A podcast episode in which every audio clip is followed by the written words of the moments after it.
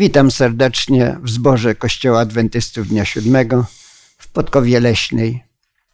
Będziemy rozważać dzisiaj ważne zagadnienie, o którym mówił Pan Jezus, żeby nie gromadzić sobie skarbów na ziemi.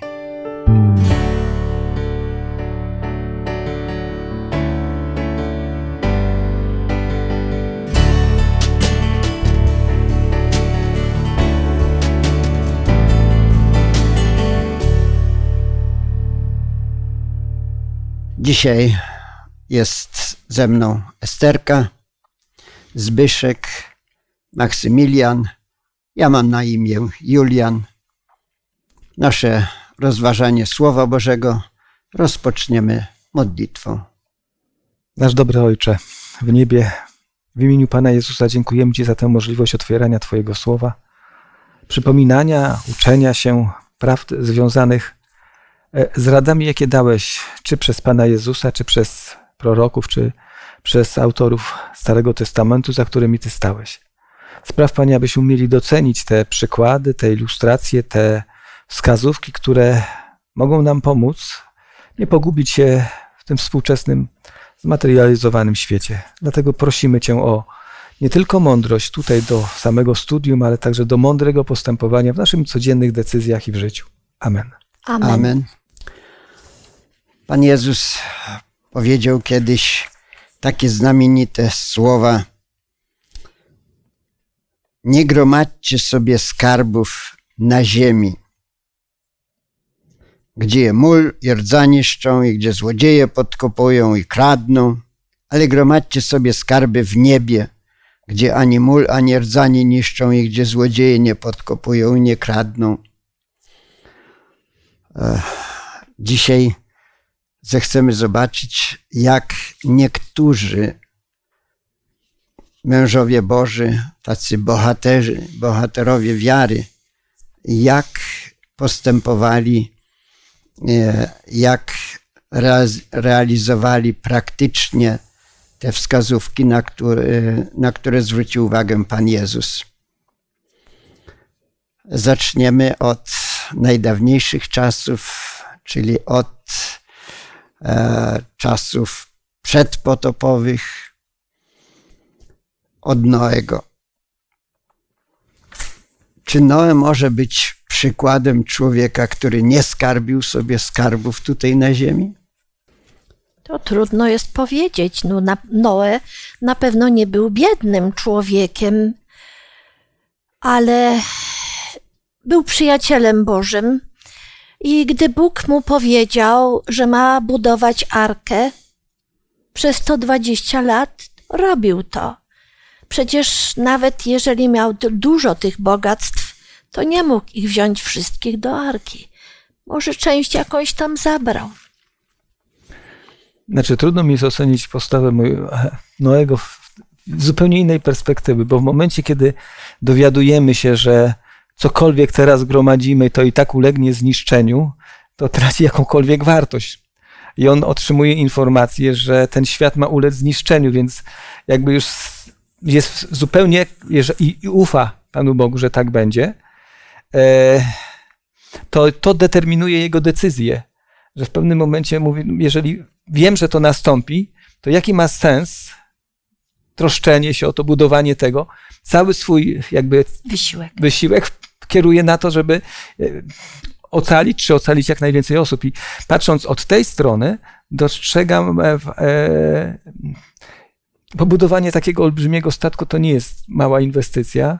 Tak jakby powiedział, wszystko co, co mam i co mogę przeznaczyć, buduję na to, by budować tą arkę, która może być miejscem ratunku. Mhm.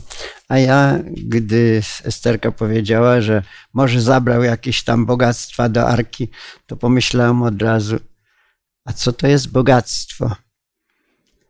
No bo na przykład, jeśli miał złoto, no i zabrał do tej arki, to co mu z tego? Złoto praktycznie nie ma żadnej wartości, jest tylko wartością umowną. No bo jak nie było ludzi, no to komu miałby przekazywać to złoto, handlować nim, nie wiem co. Także to też pokazuje, że y, to, co czasami uważamy za jakąś wartość, to jest wartość umowna. Teraz mi się przypomniało, jak przed laty, kiedy byłem jeszcze chłopcem, była tak zwana wymiana pieniędzy. Ja nie wiedziałem jeszcze o tym, tylko pamiętam, że wyszedłem na ulicę, wiatr taki był, ulica pusta była i ten wiatr zamiatał banknotami tak dookoła. Ja zacząłem to zbierać. Przyleciałem do domu, do mamy, mówię, mamo, popatrz, ile pieniędzy nazbierałem. A mama mówi, możesz to sobie wyrzucić już teraz, to nie ma żadnej wartości. No i tak to było rzeczywiście. Te banknoty, które ja zbierałem, to już nie miały wartości, y, wydrukowane jakieś inne. Także to jest kwestia umowna tego, co ma wartość. I czasami to, co byśmy uważali, że ma wielką wartość, teraz nawet widzimy dewaluację, może bardzo szybko stracić tę wartość. Patrzę jeszcze troszkę z innej strony, bo my patrzymy od strony, kiedy wiemy, jak postąpił Noe, ale w sytuacji, w jakiej się znajdował, to powiem tak. E, Biblia nie, nie, nie przedstawia tego tak bardzo może obrazowo, ale wydaje się, że zjawisko potopu nie było powszechnie znane. Że to było jak gdyby zupełnie nowa, zapowiadana rzecz, zupełnie jakby nieznana człowiekowi. I w tym momencie myślę, że e, jakby Biblia stara, stara się położyć nacisk na to, czy zaufam Panu Bogu w Jego zapowiedzi to, co się ma wydarzyć, to brzmi to tak nieprawdopodobnie. W zasadzie się nigdy czegoś, coś takiego nie miało miejsca. I czy zaufam e, temu, co otrzymałem, czy też po prostu, bo, bo to się kłóciło z całą jego wiedzą, jaką prawdopodobnie miał. Sam fakt, że zbudował taką łódź, pokazuje, że to nie był człowiek, który nie był inteligentny, ale że właśnie e, podjął decyzję wbrew wszelkim możliwym e, e, argumentom, które byłyby buduj, a w imię czego? W imię tylko słowa, że Pan Bóg tak powiedział. Mhm. Tu jest ten moment bardzo ważny, wydaje się. Chciałabym przeczytać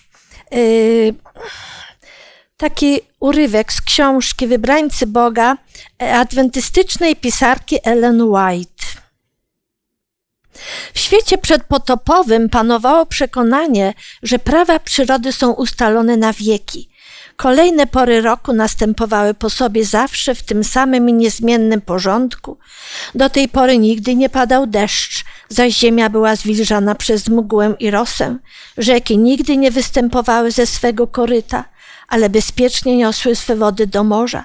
Ustalone prawa trzymały wody w wyznaczonych im granicach. Mhm. I dlatego, może to i było trudne też dla Noego, ale Noe uwierzył i budował, ale inni ludzie nie chcieli przyjąć tego poselstwa. Tak. Ludzie znali pewne prawa i myślę, że to no, tak to funkcjonuje. Prawa fizyki tak mówią, byśmy powiedzieli. No to nie może być, no, skąd ta woda się weźmie ale Bóg jest twórcą i On może wszystko zmienić. No i stało się tak, jak Bóg powiedział, a nie tak, jak ludzie uważali.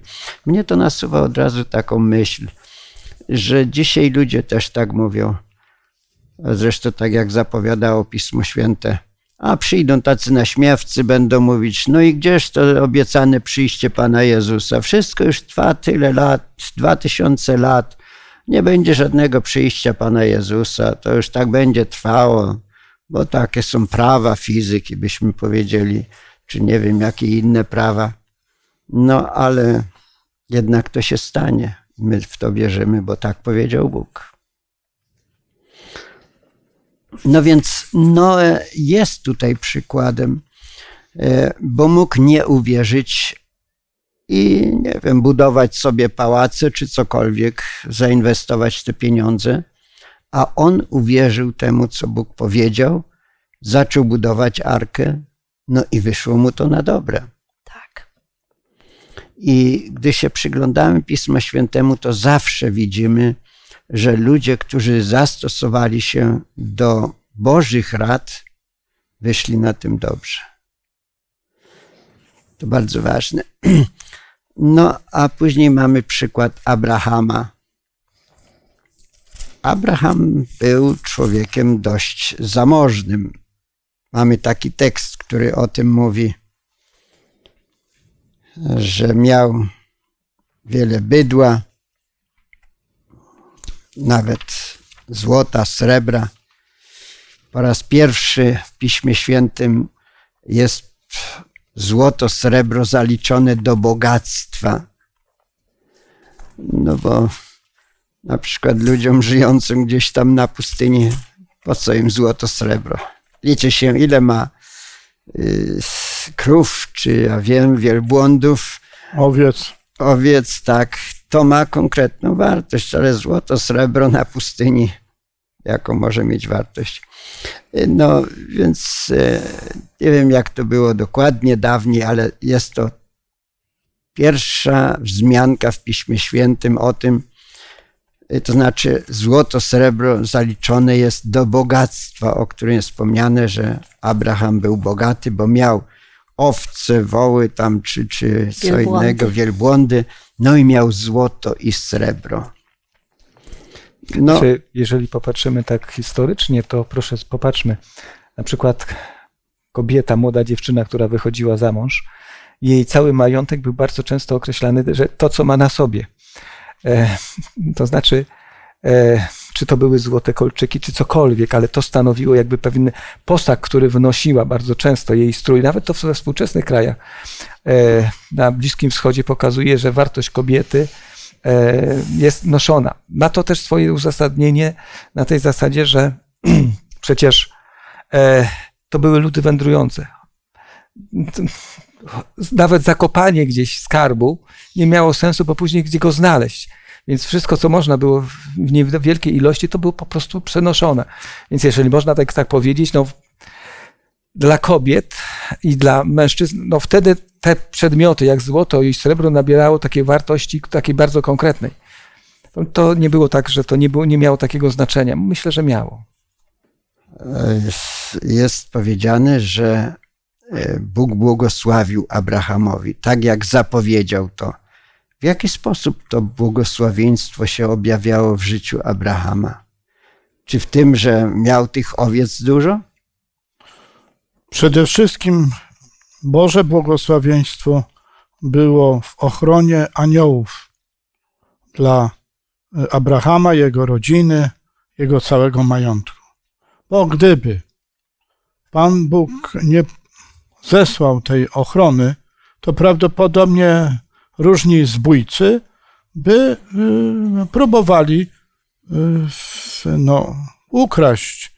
Y, A, a jeżeli w czasie kradzieży ktoś by zauważył, to byli gotowi zabić tylko dlatego, dla zysku brudnego e, to zrobić. I ochrona to była mm, pierwsza, e, e, najważniejsze błogosławieństwo.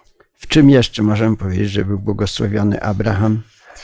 Y, Wszystkie okoliczne narody, gdzie on przebywał w różnych miejscach, traktowali go jako księcia, jako kogoś y, wspaniałego.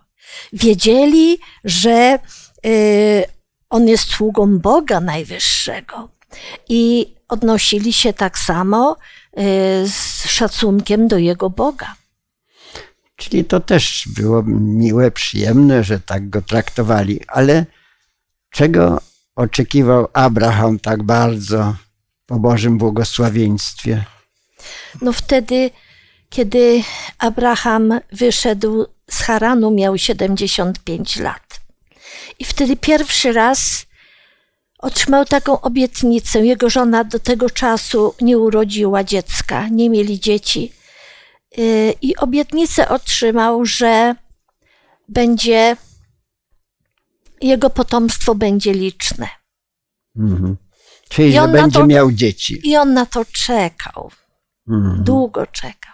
Wracając do mm, wypowiedzi tej, co powiedział Maksymilian, są takie dwie, dwa przypadki, o które mówiąc o tej ochronie, w zasadzie możemy mówić o większej ilości, ale mm, Biblia wymienia ten przypadek z faraonem, a także jest jednym z władców e, filistyńskich, czy tam władców jednego z królestw.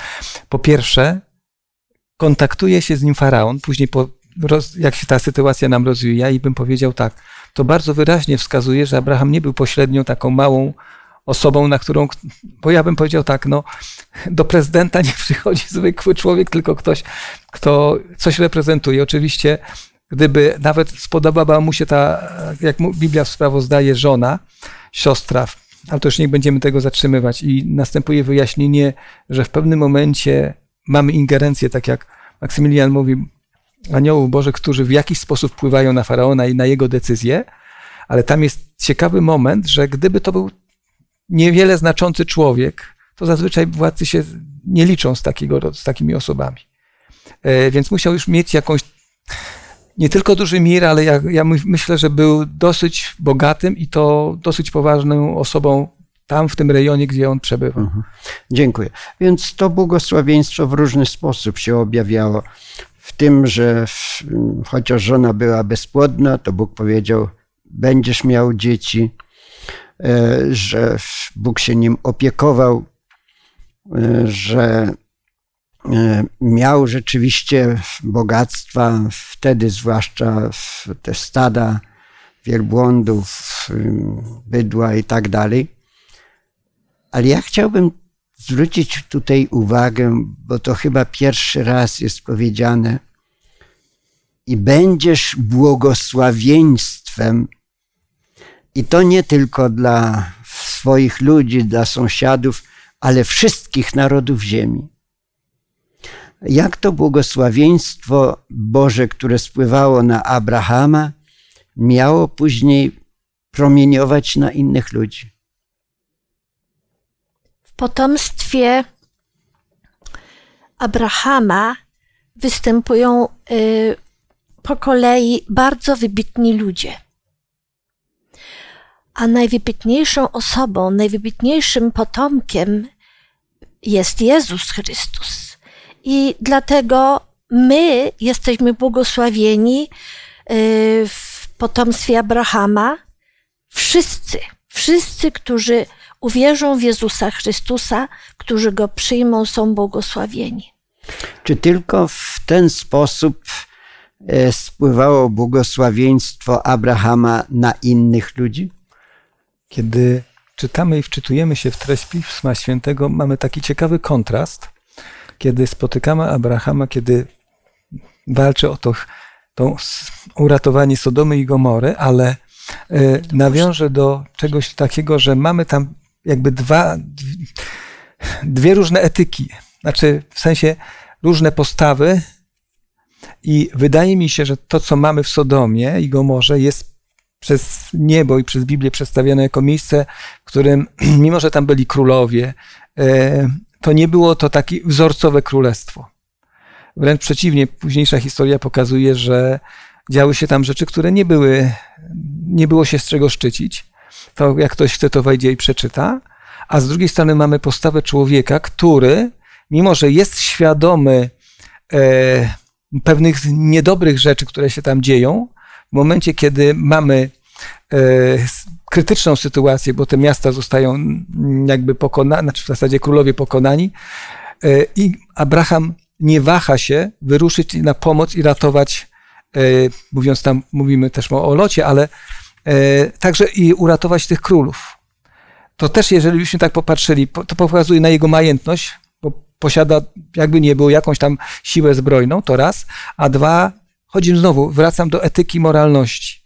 Nie pozostawia, i jeśli czym miał świecić, i to jest jakby ten przykład, to świecił po prostu tą postawą gotowości pomagania innym, którzy są w potrzebie. Mhm.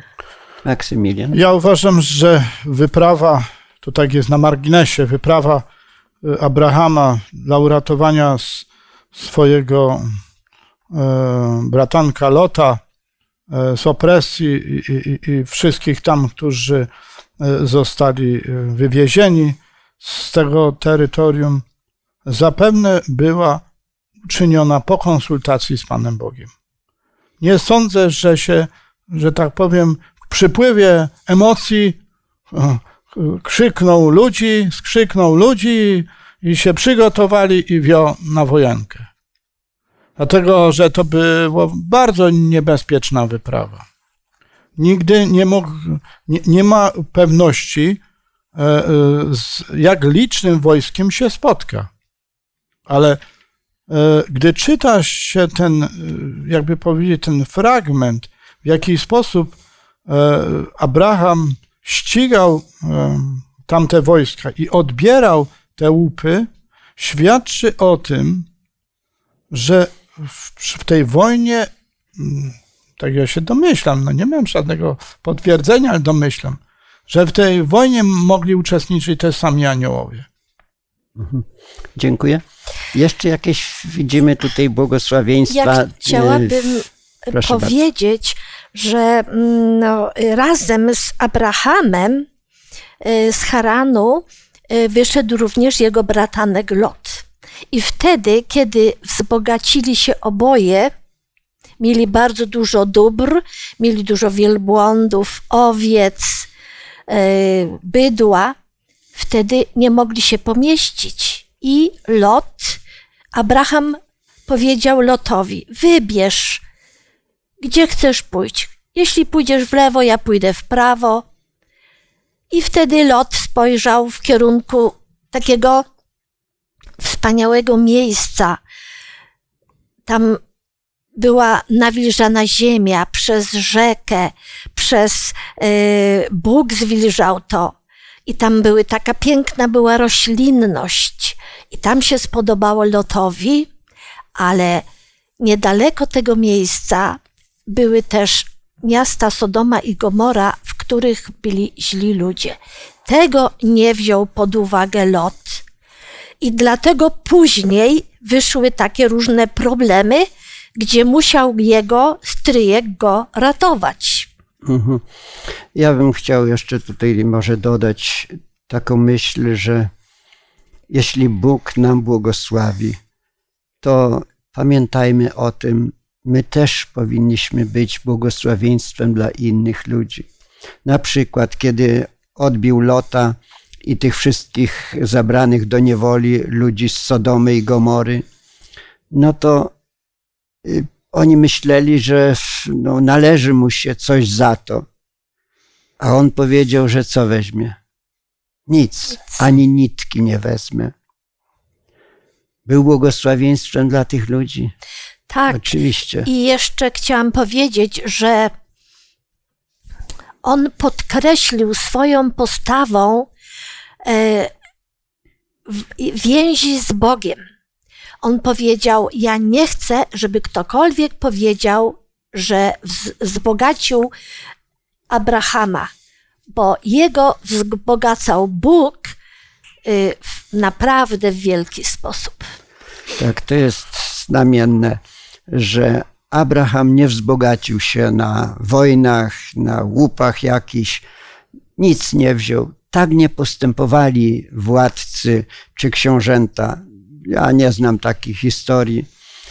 Więc tu mamy przykład męża Bożego, który, któremu Bóg błogosławi, żeby i on był błogosławieństwem dla innych. Zresztą możemy powiedzieć, że w pewnym sensie Noe też był błogosławieństwem dla innych.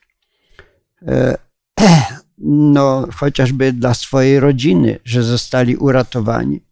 Bo gdyby on budował sobie pałac, nie uwierzył temu, co Bóg jemu powiedział, no to rodzina by zginęła. Tak więc to bardzo ważne, że Bóg chce nam dawać różne rzeczy, ale nie po to, żebyśmy się stawali egoistami, tylko żebyśmy coś mogli uczynić dobrego również dla innych, tak jak Bóg dla nas czyni. A teraz mamy właśnie tego lota. Jeśli mogli, bo wydaje mi się, że nasze studium tam dotyka jeszcze ciekawego elementu, który nie chciałbym, że został pominięty. Dlatego, że mamy w tej, tam jest taka ciekawa wzmianka, że Abraham spotyka się z królem Salemu, z kapłanem e, i składa mu dziesięcinę. Mamy to czasy, kiedy jeszcze w zasadzie nie mamy jakby to jest pierwsza wzmianka w Biblii, kiedy mamy wymienioną dziesięcinę. Jest to czas, kiedy jeszcze narodu izraelskiego nie ma, nie ma prawa mojżeszowego i nagle wskazuje, że nawet w jakiś sposób e, tego nie wiemy, bo nie wiem, jak to funkcjonowało w, w sąsiednich narodach, e, ale w pewnej chwili dowiadujemy się, że Abraham składa kapłanowi Boga Najwyższego dziesiątą część swoich jakby dochodów, trudno mi powiedzieć. E, intrygowało, intrygowało mnie e, i pytałem, sobie, pytałem sam siebie, Panie Boże, czy to był jednorazowy przykład, czy to była stała jego, jak gdyby pragnienie podziękowania Panu Bogu za to, e, co otrzymywał. Bo to jest taka forma uczenia się, dzielenia się z tym, co otrzymaliśmy od Pana Boga z innymi osobami. I myślę, że nieprzypadkowo zostało to tutaj przedstawione, ale powiem jeszcze zawsze mnie ten tekst intryguje, dlatego że ktoś powie, a ktoś może tam dopisał, może później, żeby tak pokazać, że ta dziesięcina była od początku, ale sama wzmianka, że wspomina się o Melchizedeku, który później pojawia się po raz drugi w Nowym Testamencie jako symbol Pana Jezusa Chrystusa, jest znamienny i niezwykły, bo on jakby nie pasuje, że skąd ktoś mógłby wiedzieć, że ktoś taki będzie w przyszłości. Dziękuję bardzo. No więc nie wiemy, jak to dokładnie było z Abrahamem, bo on nie dostawał e, co miesiąc pensji, żeby odłożył dziesięcinę, ale mamy przykład, że to zrobił, więc e, znał to, wiedział, że tak trzeba i to jest dla nas też przykład. Idźmy jednak do teraz do e, jego syn, jego bratanka, do Lota. Bo tu mamy przykład wiernego człowieka, i wielkie błogosławieństwo na niego spłynęło nie tylko w postaci bogactwa, które otrzymał, można powiedzieć, od Boga, ale mamy przykład Lota, który z Abrahamem chodził i jak był wierny, to mu się dobrze wiodło, a później skończył marnie. Nic nie zabrał ze sobą, w jaskini mieszkał, no trudno sobie wyobrazić gorsze jakieś poniżenie. Stracił wszystko, jeszcze zhańbił swoje życie. No, co byśmy powiedzieli o tym locie?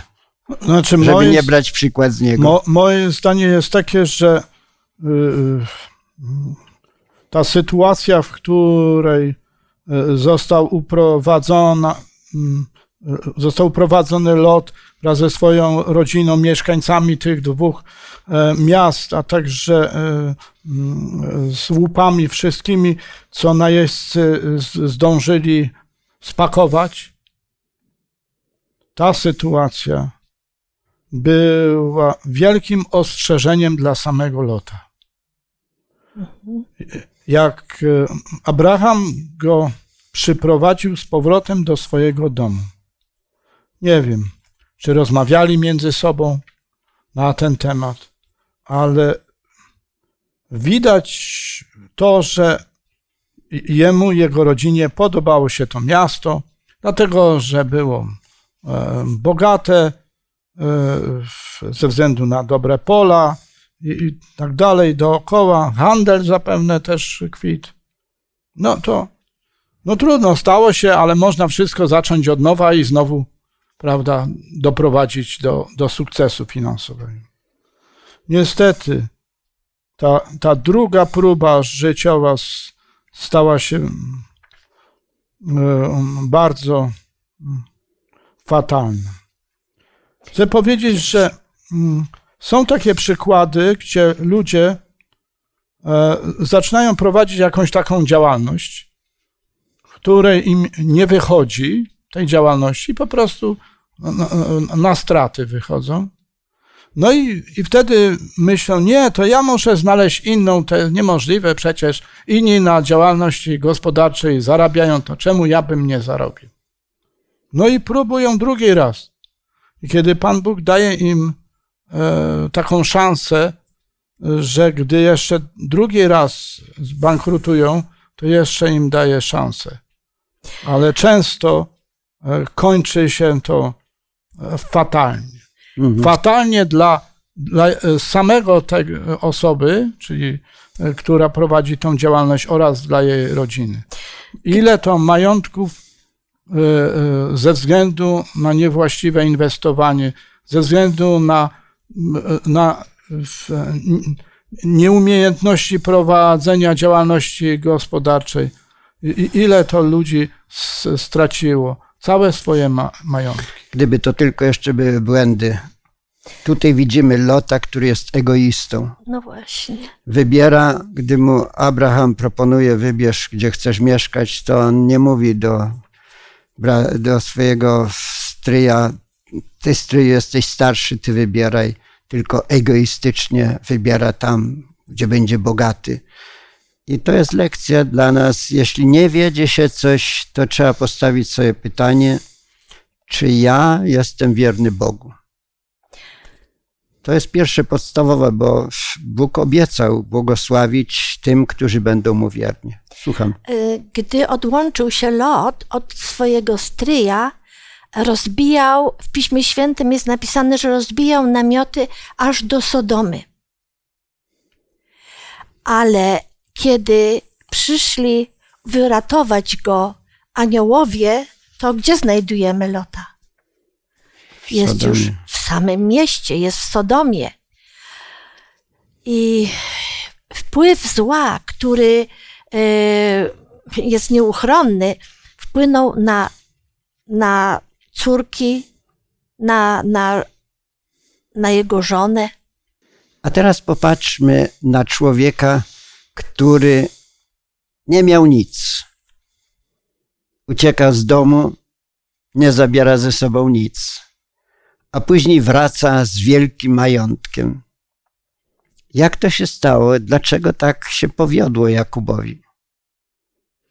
Jakub, kiedy wyszedł ze swojego domu z niczym po oszukaniu swojego brata Ezawa, to czuł się naprawdę bardzo źle. Opuszczony, jakiś taki bezwartościowy. Dopiero Bóg dał mu jakby poczuć, że jest z nim, kiedy miał ten sen. A kiedy później przyszedł do rodziny matki, tam pracował, ciężko pracował i naprawdę dorobił się bardzo wiele, ale to tylko dlatego, że Bóg mu błogosławił. Tak. Właściwie między Jakubem a Labanem był taki pojedynek, kto kogo oszuka. I wydaje się, że y, Jakub, y, y, że Pan Bóg jednak starał się wspierać Jakuba, y, dlatego że, że Laban by go doprowadził do sytuacji, że, że tak powiem, y, z, w samych spodniach poszedł, wróciłby do domu Z powrotem. z powrotem. A przecież Panu Bogu zależało na tym, żeby ta rodzina e, Jakuba się e, e, rozwinęła. Mhm. Bo Pan Bóg wiedział, że, że, że w końcu ta obietnica dla Abrahama, że będzie miał liczne potomstwo, musiała się jakoś e, zacząć realizować. I dlatego Jakub miał tyle dzieci. No.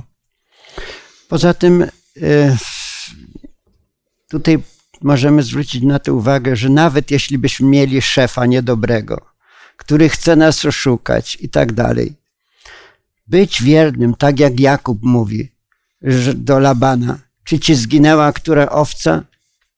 Tyle lat ci służyłem, nic ci nie zginęło, czyli wiernie, dobrze służył, wykonywał swoje obowiązki i Bóg mu błogosławił rzeczywiście, że e, bracia e, e, czy synowie Labana zazdrościli mu.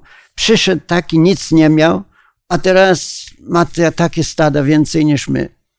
No, dlatego, że Bóg się troszczył o Jakuba.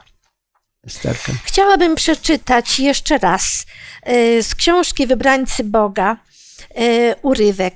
Dzięki upokorzeniu, skrusze i poddaniu się ten grzeszny i błądzący śmiertelnik pokonał majestat niebios.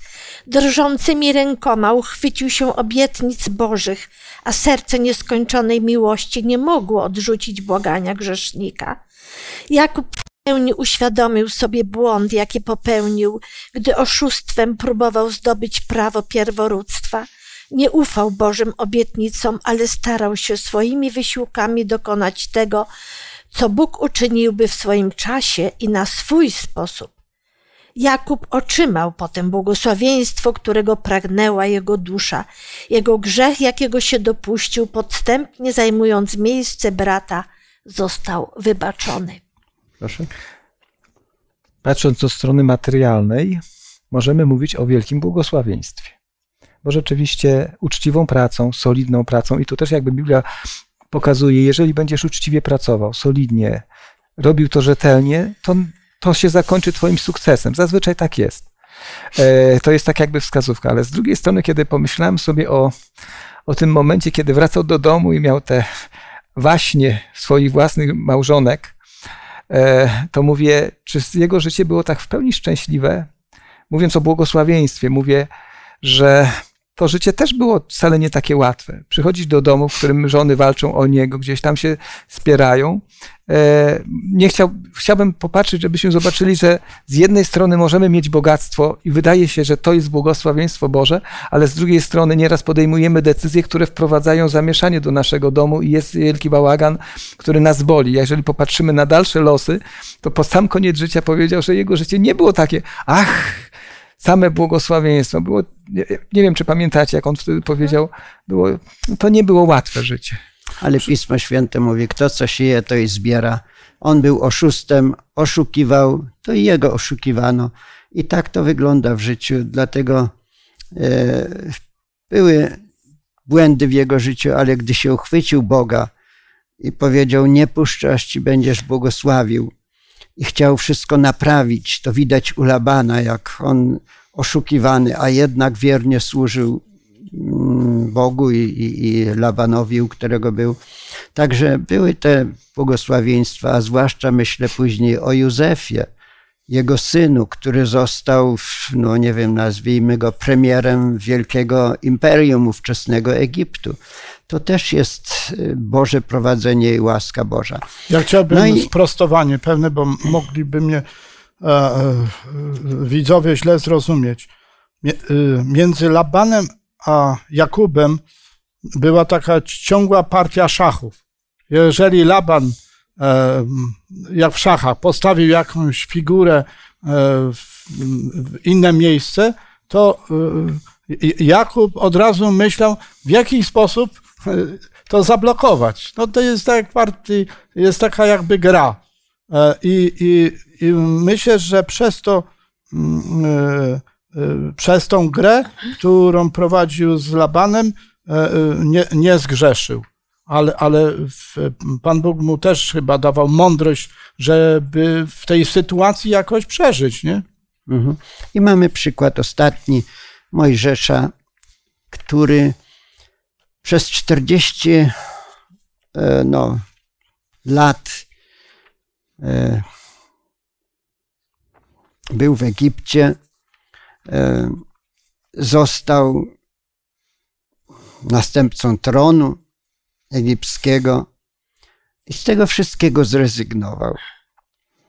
Więc pytanie, czy to było mądre, jakbyśmy to ocenili? Bo Jezus mówi: Nie patrzcie na te skarby tutaj ziemskie, e, starajcie się skarb mieć w niebie.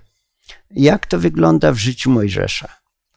Ja mam taką dziwną myśl. W momencie, kiedy miał oczywiście e, świadomość, że jest pochodzenia Hebrajczykiem, czuł bardzo silne więź, więź, więź, więź z tym swoim e, pobratyńcami, to mógłbym pomyśleć w ten sposób, tak po ludzku.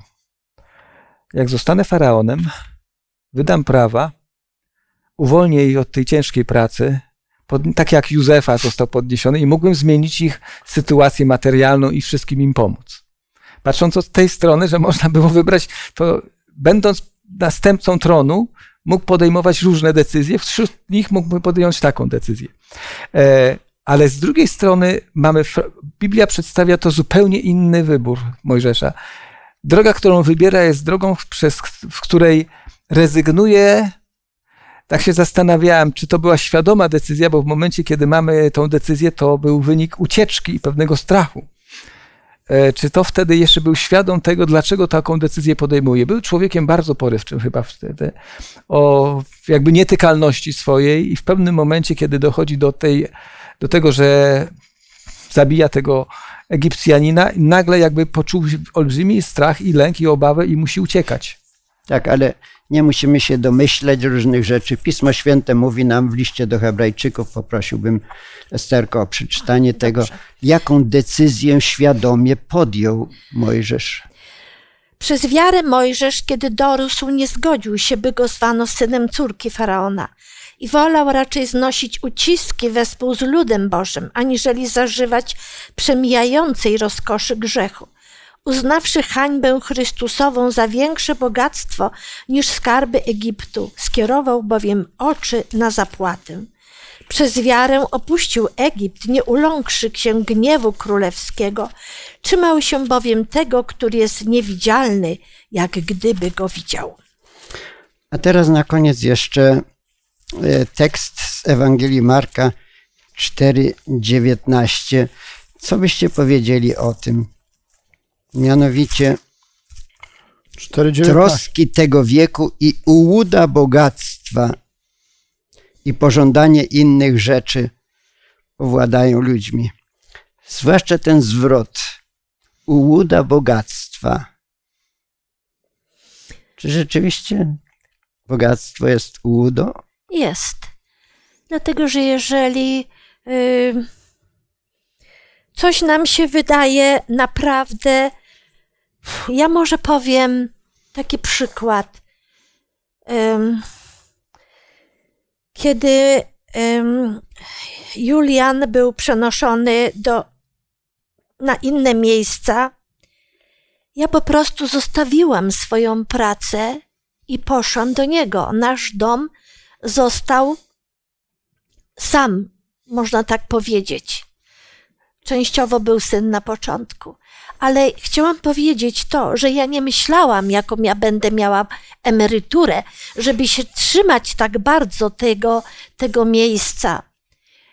Ale patrzyłam troszeczkę dalej, jakie nasze decyzje będą miały wpływ na nasze dzieci, na, na wszystko. I ja nie narzekam teraz, ale wiem o tym, że to nie tylko chodzi o bogactwo, bo można być bogatym, ale chodzi o wybory, jakie my czynimy. Dziękuję. Te wybory są bardzo ważne. Mamy przykłady dobre, jak Abrahama czy Mojżesza.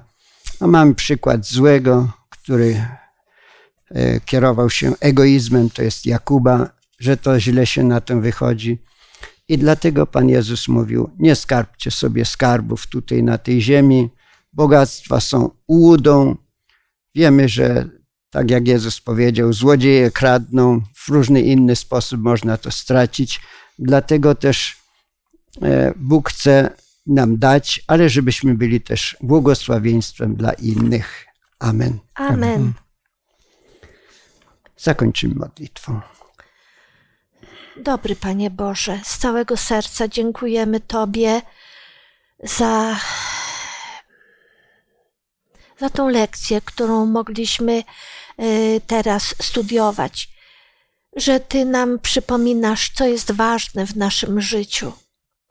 Proszę, Panie Jezu, błogosław nas, błogosław tych, którzy będą słuchali, żeby mogli podejmować dobre decyzje w swoim życiu, bo to, co my chcemy osiągnąć teraz, i tutaj nie zawsze jest najlepsze. Nie, nie najlepsze nieraz i dla nas, i dla naszych dzieci. Ale Panie, proszę, aby nasze wybory były czynione razem z Tobą, żebyś Ty był zawsze na pierwszym miejscu. Proszę o to i za wszystko dziękuję w imieniu Pana Jezusa Chrystusa. Amen. Amen. Dziękuję bardzo za uwagę. Zapraszam na kolejne studium. Kolejne studium będzie nosiło tytuł O tych najmniejszych. Bóg troszczy się o tych najmniejszych, ubogich. E, będzie to ciekawe studium. Zapraszam za tydzień.